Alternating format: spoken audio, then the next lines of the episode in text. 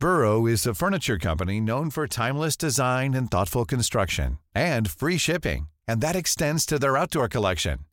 Their outdoor furniture is built to withstand the elements, featuring rust-proof stainless steel hardware, weather-ready teak, and quick-dry foam cushions. For Memorial Day, get 15% off your Burrow purchase at burrow.com slash ACAST and up to 25% off outdoor. That's up to 25% off outdoor furniture at burrow.com slash ACAST. Wow. Nice. Yeah. What you're hearing are the sounds of people everywhere putting on Bombas socks, underwear, and t-shirts made from absurdly soft materials that feel like plush clouds. Yeah, that plush. And the best part? For every item you purchase, Bombas donates another to someone facing homelessness. Bombas. Big comfort for everyone. Go to bombas.com slash ACAST and use code ACAST for 20% off your first purchase. That's bombas.com slash ACAST. Code ACAST. Millions of people have lost weight with personalized plans from Noom. Like Evan, who can't stand salads and still lost 50 pounds. Salads generally for most people are the easy button, right? For me, that wasn't an option. I never really was a salad guy. That's just not who I am. But Noom worked for me. Get your personalized plan today at Noom.com. Real Noom user compensated to provide their story. In four weeks, the typical Noom user can expect to lose one to two pounds per week. Individual results may vary.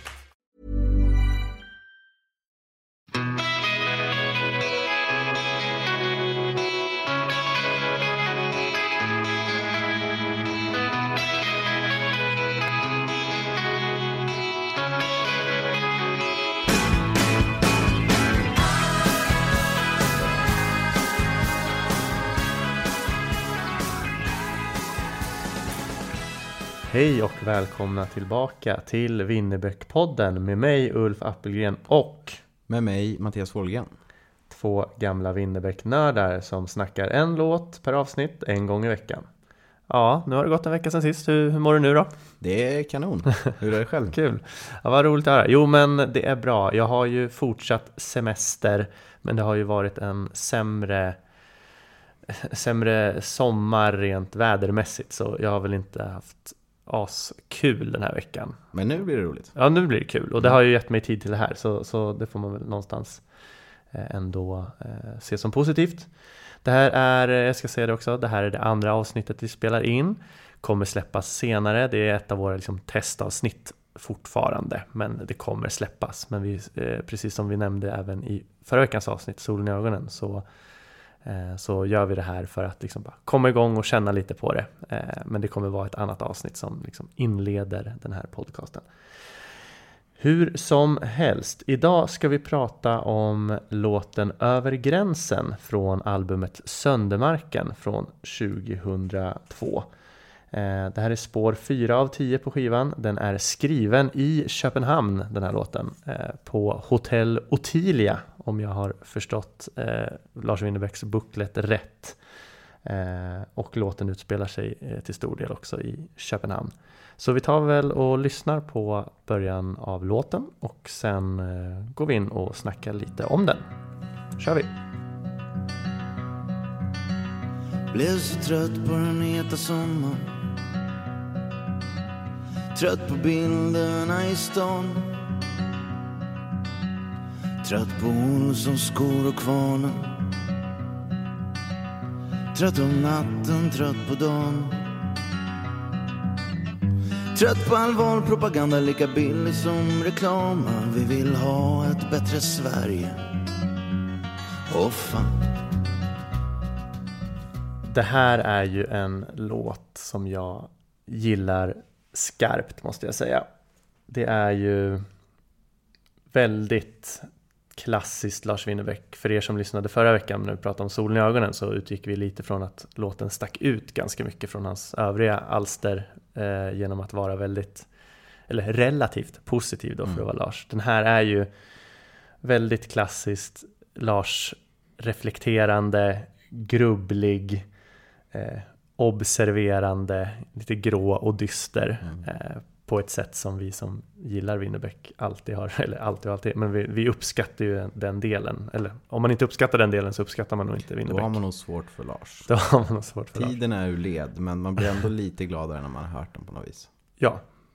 Och, och jag tycker att här lyckas han verkligen fånga in känslan av en ovisshet, en tristess, en, eller så här, ett stort ingenting. Det är inte liksom skit heller. Det är inte liksom den största hjärtekross-sorglåten utan det handlar bara om att det tuffar på på ett sätt som som ju är sådär vardagligt grå. Mm.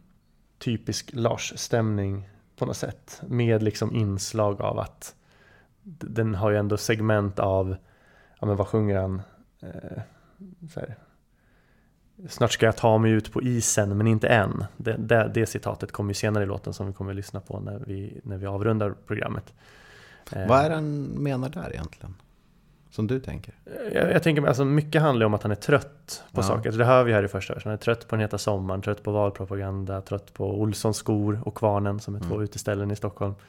Och så vidare. Eh, men jag menar att han, han, han, typ, han är väl han är väl lite less och stänger in sig och när han mm, tar sig ut på isen att snart ska jag ändå Tillbaka till... ja men upp, ta, ta mig i kragen och ge mig ut på något som inte bara är eh, tryggt, ensamt och undangömt.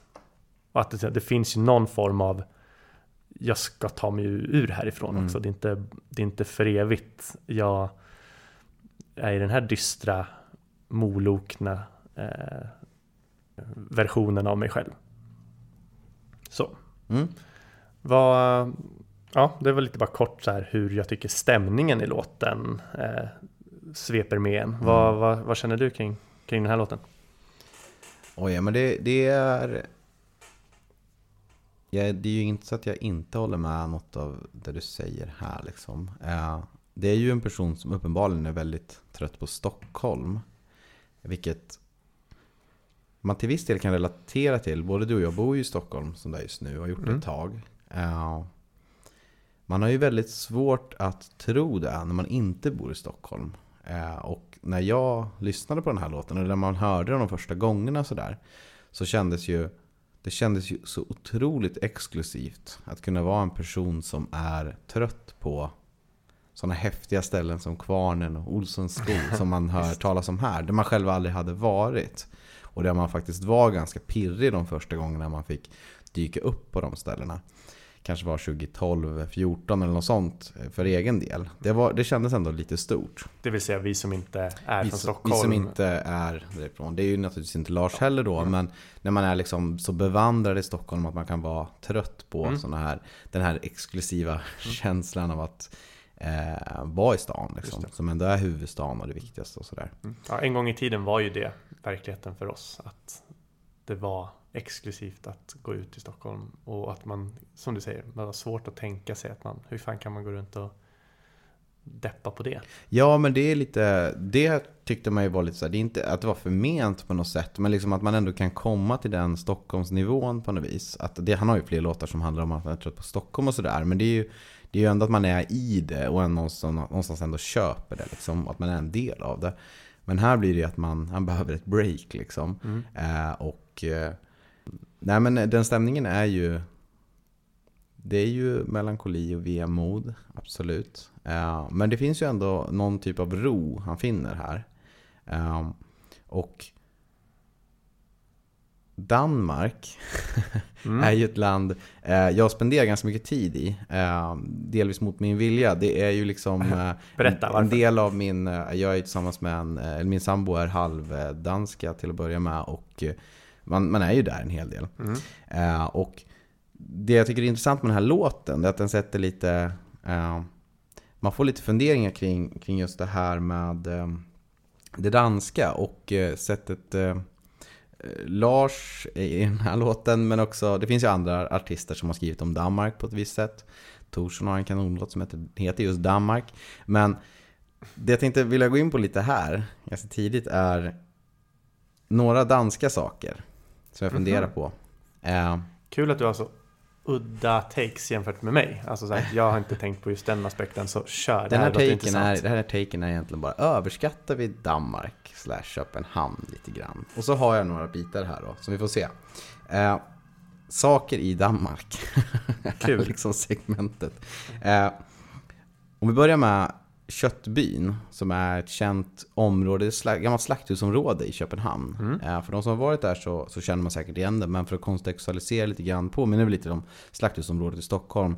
Och ärligt talat, jag sopar faktiskt banan med Stockholmsvarianten, kan jag verkligen säga. Där liksom, vill man käka god mat och eh, kanske framförallt klubba eller så är det här, det är, ju lång, det är ju nära Sverige, men det är väldigt långt ifrån Sverige på samma sätt. Stockholm har ju börjat vakna till där. Slakthusområdet har ju liksom fått ett lyft på senare år. Alltså att de har börjat typ ändå tänka på att ta upp matchen på något sätt. Precis. Men, men, jag instämmer i det du säger. Det är ju- Precis, det, det är ju ändå, det finns ju ändå något svenskt skimmer av eh, grannklagomål och eh, liksom fördumning av själva idén som köttbyn ska vara. Så att köttbyn, den, den har de faktiskt. Den lever upp. Den, den, den, eh, det är någonting Danmark faktiskt har. Nyhamn däremot. Du vet de här, det kända området Ja. längs vattnet som folk lägger upp bilder på. Färgglada hus. Färgglada hus, absolut. Man kan ta en öl eller två där och sitta där, det är lite härligt. Men det är ju, och man förstår ju att det är en turistfälla liksom. Så man kan ju inte anklaga det för det. Men som turistfälla betraktat så är ju liksom Gamla stan och Stockholm mycket bättre i så fall. Mycket trevligare att vara i. Nyhamn, nej det gör ingenting för mig. Eh, Tivoli, en annan sån sak liksom. Det är väl, det är ju stora Köpenhamnsgrejen på, i, i många avseenden. Eh, Nöjespark ligger centralt i stan. Eh, men jag föredrar Gröna Lund. Verkligen alltså. Danmarkpodden. Okej, vi behöver inte ta allihopa. Men okej, en annan sak jag tänkte på, där vi överskattar Danmark, det är alltså så här, cyklandet i Köpenhamn som alltid beskrivs som så himla enkelt och perfekt och sådär. Mm. Nej, jag, jag, jag, jag köper inte det alltså. Det är, jag tycker det är lättare att cykla i Stockholm alltså. Ja. Men, eh, men okej. Eh, nej men det var några takes. Att den här, Jag tänkte, Lille Havefrun, är inte den typisk överskattningsgrej? Om jag ändå ska flika in med någonting som där, jag är, tycker... där är jag inte så Nej, inte jag heller, men, Men- den men- känns ju trött.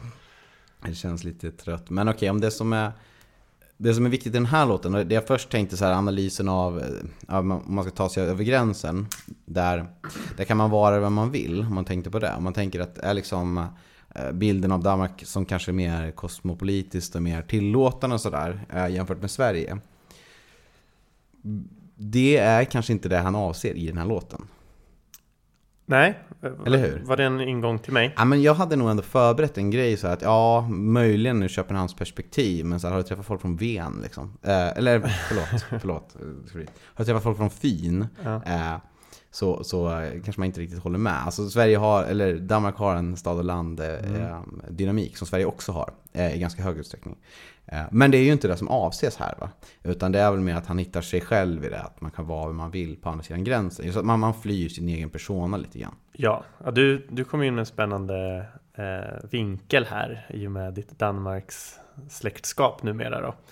Eh, men ja, alltså jag tror så här. Eh, precis det du sa, hur kan man vara trött på Stockholm här i inledningen av avsnittet, att vi en gång tänkte så. När vi när, när Stockholm var nytt och spännande eller någonstans vi inte ens bodde. Och liksom lite ouppnåeligt också. Ja, men, sätt. men jag tror att det handlar inte så mycket om att det är just Köpenhamn och att han jämför med Stockholm. Alltså, jag tror inte det ens har med saken att göra. Jag tror liksom det här är, komma iväg aspekten är nog A. Ja. Och sen råkar Köpenhamn vara ett trivsamt ställe för Lars. För han har ju återvänt till Köpenhamn, skrivit låtar där och använt namn. Och Söndermarken, eh, ja, skivan och låten är ju en park i Köpenhamn. Alltså att han har funnit någon slags ro där. Men jag tror att i grund och botten handlar det om att åka iväg. Han skriver ju ofta låtar i han åker till Polen, han åker till baltländerna, han åker till Köpenhamn och så för att skriva låtar och komma bort och vara med sig själv och fokusera. Eh, Så, så jag tror liksom komma bort är A och sen Köpenhamn har funkat bra för honom. Eh, Och, och i och med att Alltså hade han bott i Köpenhamn konstant så hade han säkert också varit trött på Köpenhamn i två skivor senare. Men när man besöker en stad som du ju vet så är man ju ganska lätt nerkärad i den stan. Och jag tror det är det som ett uttryck för här också. Absolut. Men ta det inte för att Köpenhamn är perfekt. Åk för all del till Köpenhamn, Ja. men gör det med ett kritiskt öga. Mm. Det är bra.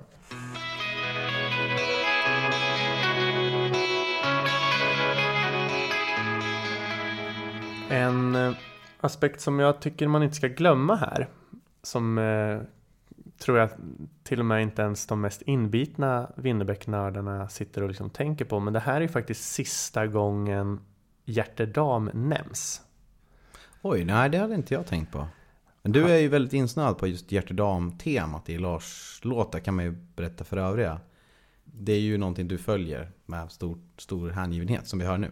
Ja, ja det, så kanske det är. Det har jag inte tänkt på själv förvisso. Men, eh, men eh, alltså, det finns ju en Hjärtedams sista sång som kommer på albumet efter. Eh, där han då tar farväl av Hjärtedam. Och Hjärtedam är ju en återkommande karaktär i Winnerbäcks låtar från de första skivorna. Och det är ju då en, en tonårskärlek som liksom på något sätt har satt sina spår. Och han sjunger ju med både vemod och glädje och sorg om den här figuren då. Eh, och han tar ju avsked av Hjärtedam på skivan som kommer efter Söndermarken, Vatten under broarna med Hjärtedams sista sång. I den låten nämns ju aldrig Hjärtedam, så det, för, det här är faktiskt sista gången Hjärtedam vid namn nämns mm. i en låt. Och det tänker jag, det ska man ändå poängtera. Och att även det är ju en aspekt av låten. Han är trött på Stockholm, han är trött på på, på liksom tillvaron just nu. Han har den här aspekten av att han ska snart ta sig ut på isen, ta sig i kragen. Men mm. det finns också det där lite, lite vädjandet att nu när jag går i den här tristessen tolkar jag det som i alla fall att också en uppmaning till sitt förflutna och den här kärleken då han inte riktigt hade släppt här ändå. Att så här, ta din packning över gränsen, kom hit, du skulle älska att vara här.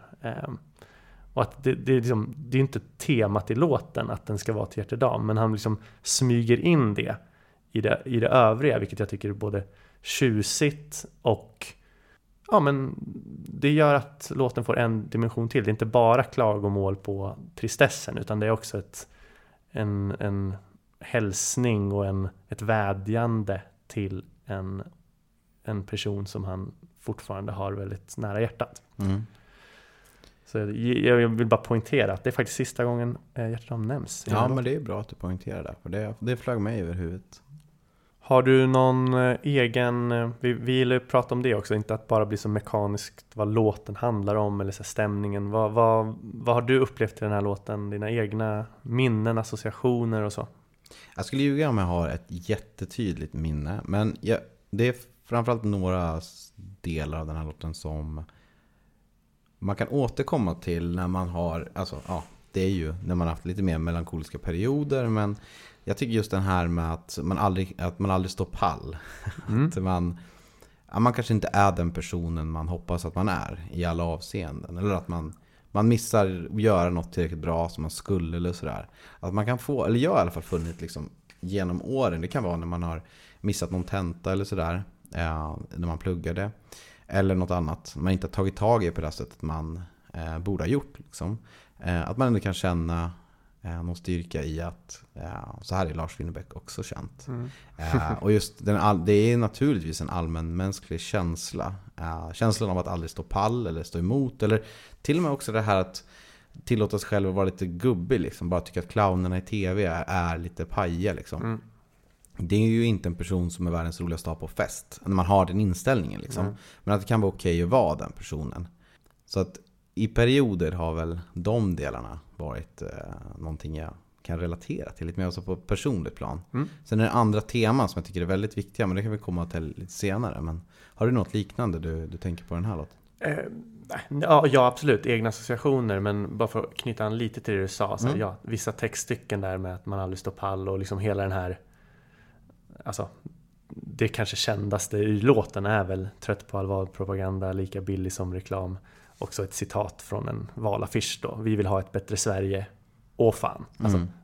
Det är ju det är ju rysningsbra. Alltså jag tycker det är så, så jävla bara snyggt. Så att där, där tycker jag att det är så genialt. Och sen tycker jag hela låten i övrigt bara tuffar på i den här molokna känslan och bara håller sån jävla kvalitet genom hela låten. Både melodimässigt och, och textmässigt. Millions of people have lost weight with personalized plans from Noom. Like Evan, who can't stand salads and still lost 50 pounds. Salads generally for most people are the easy button, right? For me, that wasn't an option. I never really was a salad guy. That's just not who I am. But Noom worked for me. Get your personalized plan today at Noom.com. Real Noom user compensated to provide their story. In four weeks, the typical Noom user can expect to lose one to two pounds per week. Individual results may vary. Burrow is a furniture company known for timeless design and thoughtful construction and free shipping, and that extends to their outdoor collection. Their outdoor furniture is built to withstand the elements, featuring rust-proof stainless steel hardware, weather-ready teak, and quick-dry foam cushions. For Memorial Day, get 15% off your Burrow purchase at burrow.com slash ACAST and up to 25% off outdoor. That's up to 25% off outdoor furniture at burrow.com slash ACAST. Egna associationer är väl Alltså egna associationer, det, det, det jag kan bara slänga ur mig, det var att jag var ju i, i eh, Köpenhamn med mina syskon hösten 2019. Och då, alltså för mig som Winnerbäck-nörd så är det ju viktigt att gå förbi Söndermarken till exempel. Och, och att liksom jag går runt och, och tänker mig Lars någonstans när jag kliver runt där. Och här gick han också och, och så, som man ju kan vara när man är lite så här eh, lite väl bunden till en, till en idol. Eh, men då satt vi på ett café någon gång och, och syrran och brorsan köpte kaffe. Jag var inte sugen då. Eh, så tog det ett, ett tag att tillreda den här kaffen och det stod en gitarr i kaféet. Och då fick jag bara för mig att ta upp gitarren och så spelade jag över gränsen på kaféet för att tillfället gavs. Wow. Eh, och det tyckte jag bara var så här. Det var ju en, en kul anekdot. för den här låten behärskar jag väl någorlunda att spela. Så, eh, så det var väl bara liksom, det är en relation jag har till låten och jag tyckte att det kändes, ja, inom cita, citattecken då, stort att spela den i Köpenhamn. Mm. Det var ju bara kaffe, baristan och eh, syrran och brorsan som lyssnade, men ändå. Men det är ju bokstavligt talat podcastmaterial. Så är det ju. Mm. Mm. Jag tror det finns på film också. Såg jag till att det gjorde. Ja. Eh. okay, det var liksom inte ja, det var fansen liksom, som... Okay, nej, nej, så var det. uh, nej, men vad kan man säga med... Alltså, jag skulle säga så här, den har ju aldrig varit uppe bland de här eufori-låtarna för mig som jag kan liksom sätta på min topp 10, men jag tycker den är extremt bra. Den spelas ju ganska oväntat ofta live. Eh, alltså jag säger oväntat för att den är inte publikfriande arenarock direkt, utan den är ju, den tuffar ju på och är lite liksom dyster så. Men Möjligen med undantag för just Åh fan Ja, jo precis. Där finns det ju någon allsångs... Där finns det en allsångspotential som ja. man ändå varit med om va? Jag tror vi har hört det här live. No. Det har vi definitivt, mm. absolut. Eh, så, så, där, inga, inga heller så här... Den här lyssnade jag på under det här, den här tiden i mitt liv, men det är ju en låt att lyssna på som passar en, en, en grå, regnig dag på något sätt. Även om den här utspelar sig på som, den heta sommaren så, är den, så är låt, går ju låten i väldigt grå ton. Eh, skulle jag säga. Men det är väl det. Jag vet att vår gemensamma vän Klas tycker om den. Eh, så att den här har ändå liksom fastnat hos vissa. Eh, en annan god gammal vän till oss som heter Andreas Andersson hävdade att den var ganska lik Dire Straits-låten Iron Hand. I övrigt så, så, så är det bara en låt jag gillar väldigt skarpt och det här brukar jag säga i slutet av avsnitten men det här är en stark 5 av 6 för mig. Eh, så, när, så, så när en fullpottare. Och innan du tar vid nästa segment så kan man ju stillsamt undra om så här, alltså man vet ju att Winnerbäck har ju själv uttryckt så här att eh, det här med recensenter och, och bli bedömd och sådär, det är inte hans favorit eller så här, han tycker väl liksom det det inte liksom är så ska man inte behandla musik så. Vet, eventuellt gillar han väl inte att jag ens sätter poäng, eventuellt kanske liksom det är inte hans favorit att man sitter där och analyserar ner en låt heller. Eh, men han har ändå godkänt att vi får göra det. Så jag tänkte att det kan vara värt att nämna mm. att eh, jag kanske lite mot bättre vetande ändå sätter ett litet betyg på låtarna. Det får stå för dig. Det får stå för mig och han får bli arg på mig.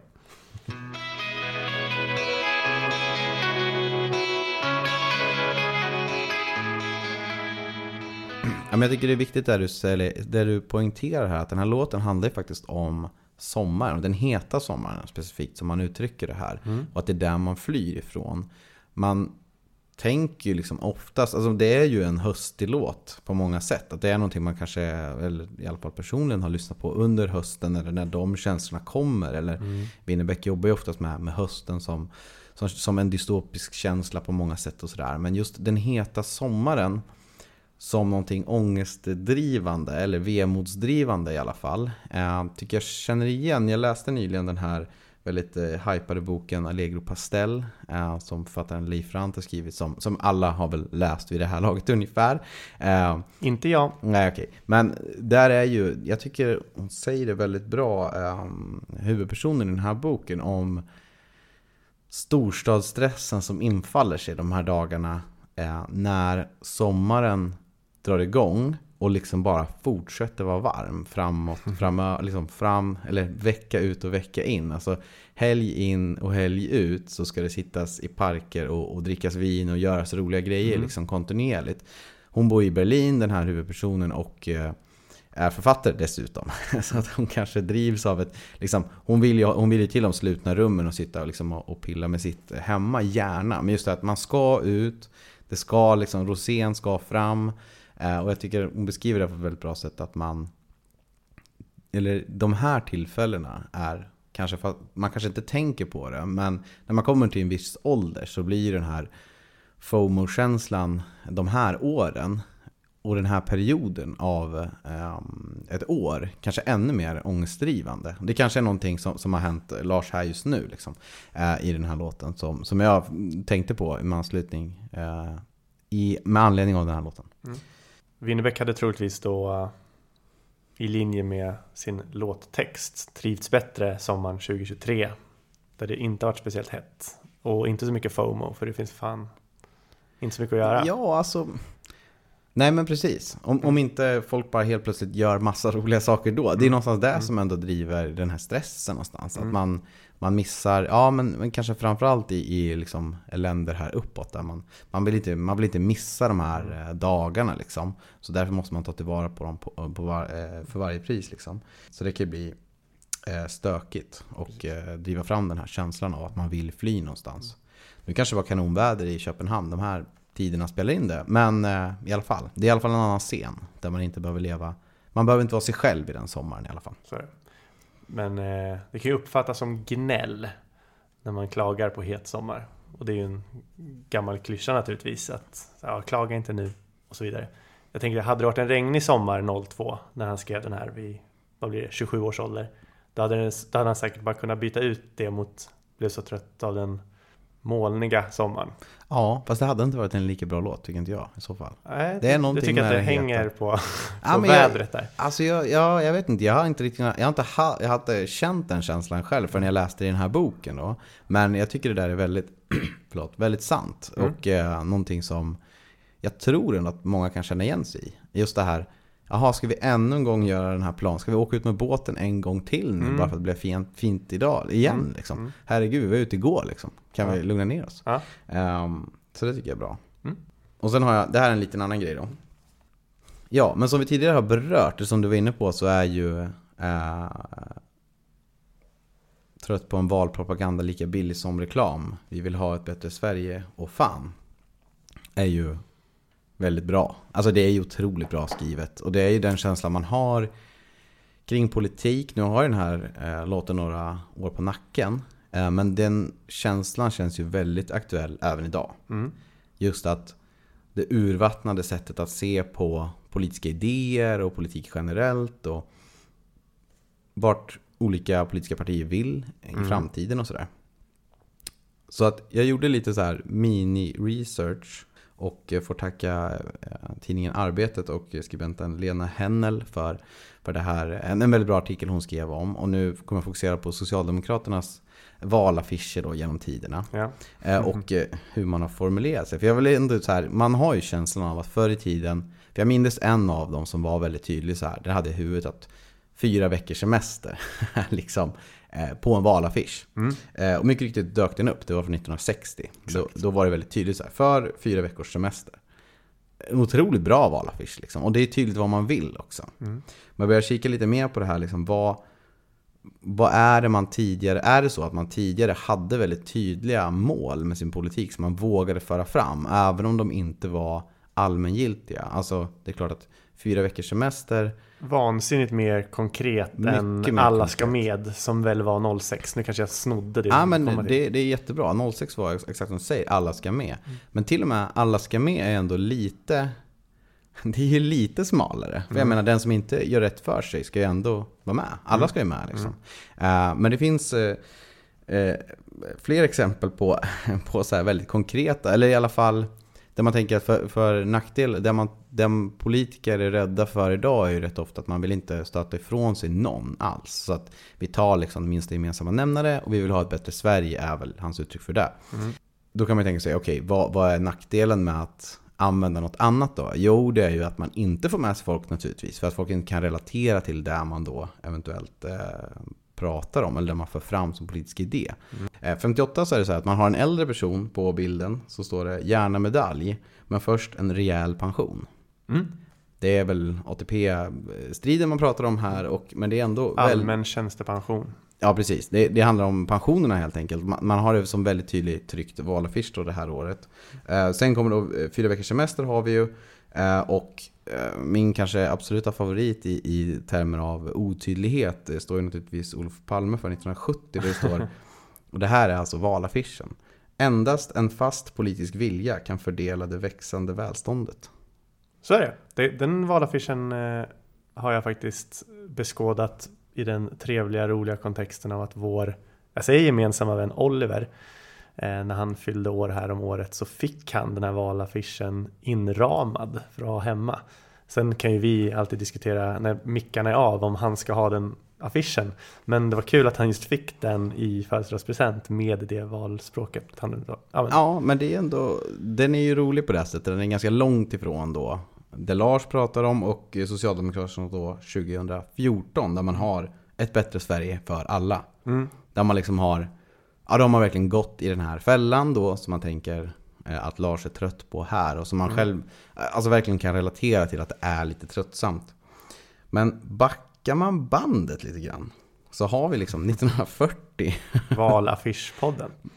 Eh, val- 1940 då så har man bara, ja, det är egentligen bara Per Albin Hansson på en bild och sen står det en fast kurs med folkets förtroende.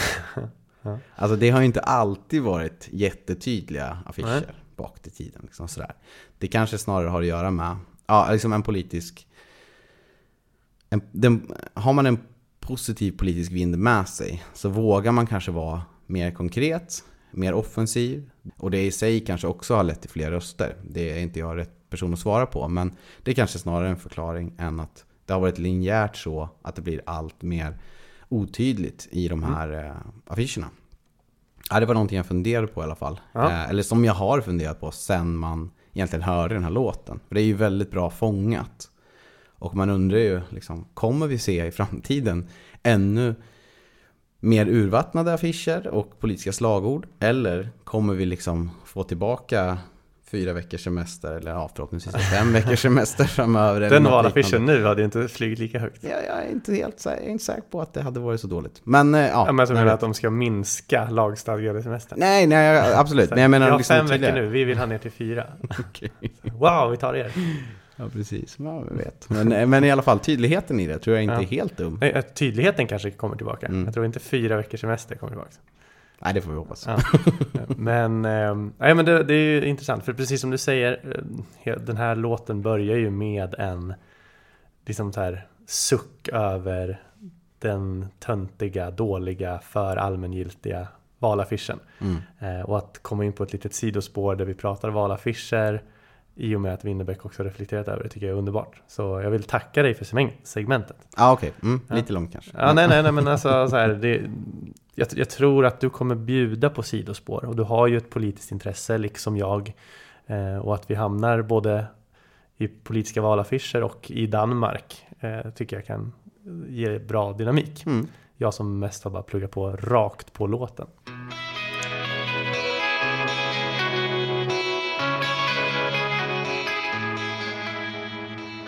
Jag brukar också vilja stanna upp lite vid låtens uppbyggnad och sådär. Jag har inte jättemycket på det temat för den här låten, men den är den är väldigt trevlig tycker jag. Jag tycker den puttrar på utan att den blir ju aldrig storvulen eller svulstig utan det här är ju en vardagslåt. Det är ett klassiskt vanligt albumspår men jag tycker den är så himla bra att den har ju förtjänat sin plats även på livespelningar för att jag tror Lars gillar den, jag tror han är nöjd med låten.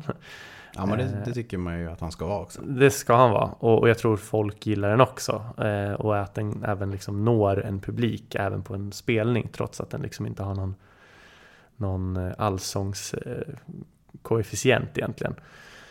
Men ehm, och, och, vi pratade om solen i ögonen förra veckan och, och att huruvida han lutade mer åt poet eller ordjonglör och citerade en, en, en musikrecensent som heter Håkan Sten.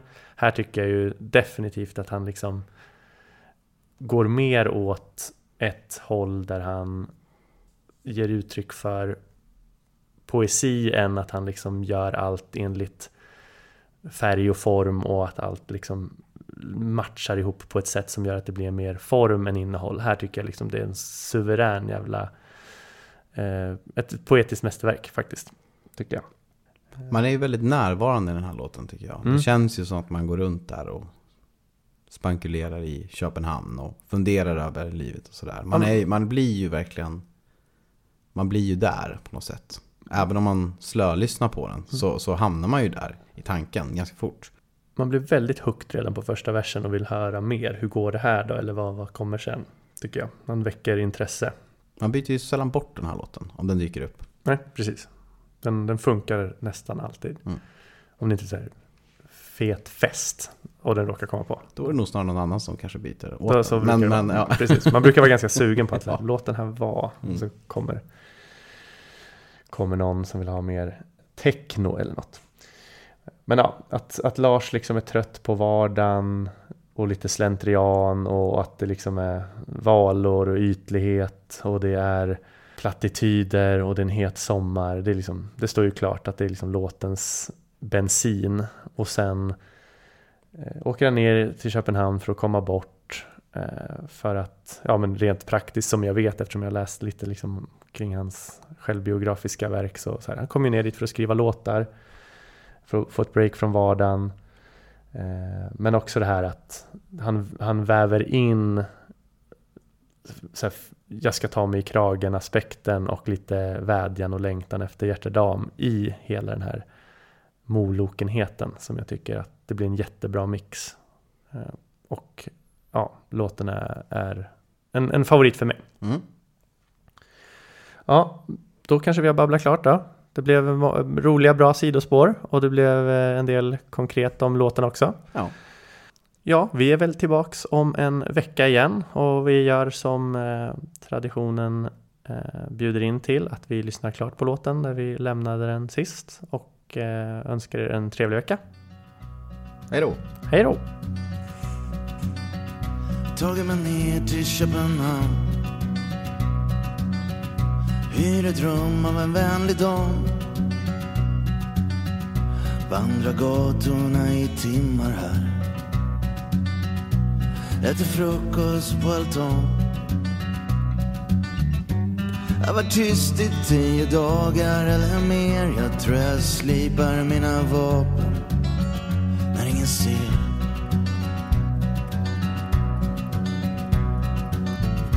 fläktar den första svala vinden i hennes vilda höstträdgård.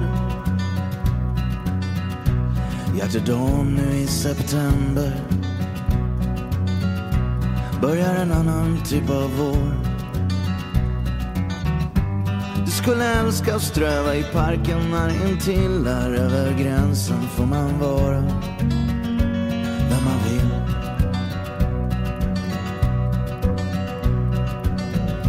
blev så trött på den heta sommaren.